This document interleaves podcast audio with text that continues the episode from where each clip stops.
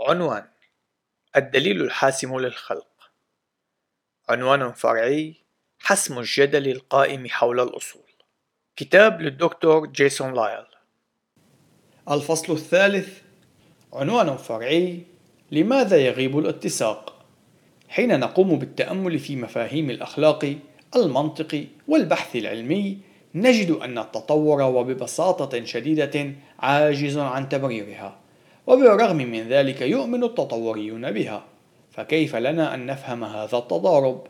إن الكتاب المقدس يعطينا الأساس لهذه المفاهيم وكذلك يقدم لنا الإجابة عن سبب قدرة غير المؤمنين على التحصل على المعارف في الوقت عينه الذي يرفضون فيه معرفة الخالق الذي هو مصدر كل الأشياء.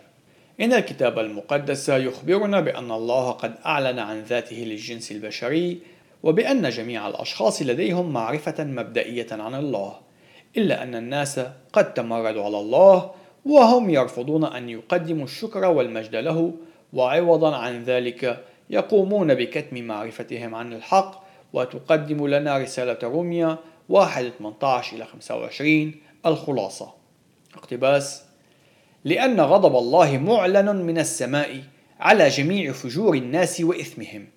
الذين يحجزون الحق بالإثم إذ معرفة الله ظاهرة فيهم لأن الله أظهرها لهم لأن أموره غير المنظورة ترى منذ خلق العالم مدركة بالمصنوعات قدرته السرمدية ولاهوته حتى إنهم بلا عذر لأنهم لما عرفوا الله لم يمجدوه أو يشكروه كإله بل حمقوا في أفكارهم وأظلم قلبهم الغبي وبينما هم يزعمون أنهم حكماء صاروا جهلاء وأبدلوا مجد الله الذي لا يفنى بشبه صورة الإنسان الذي يفنى والطيور والدواب والزحافات.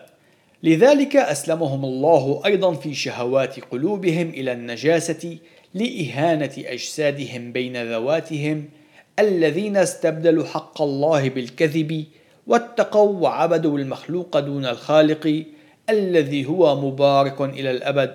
آمين.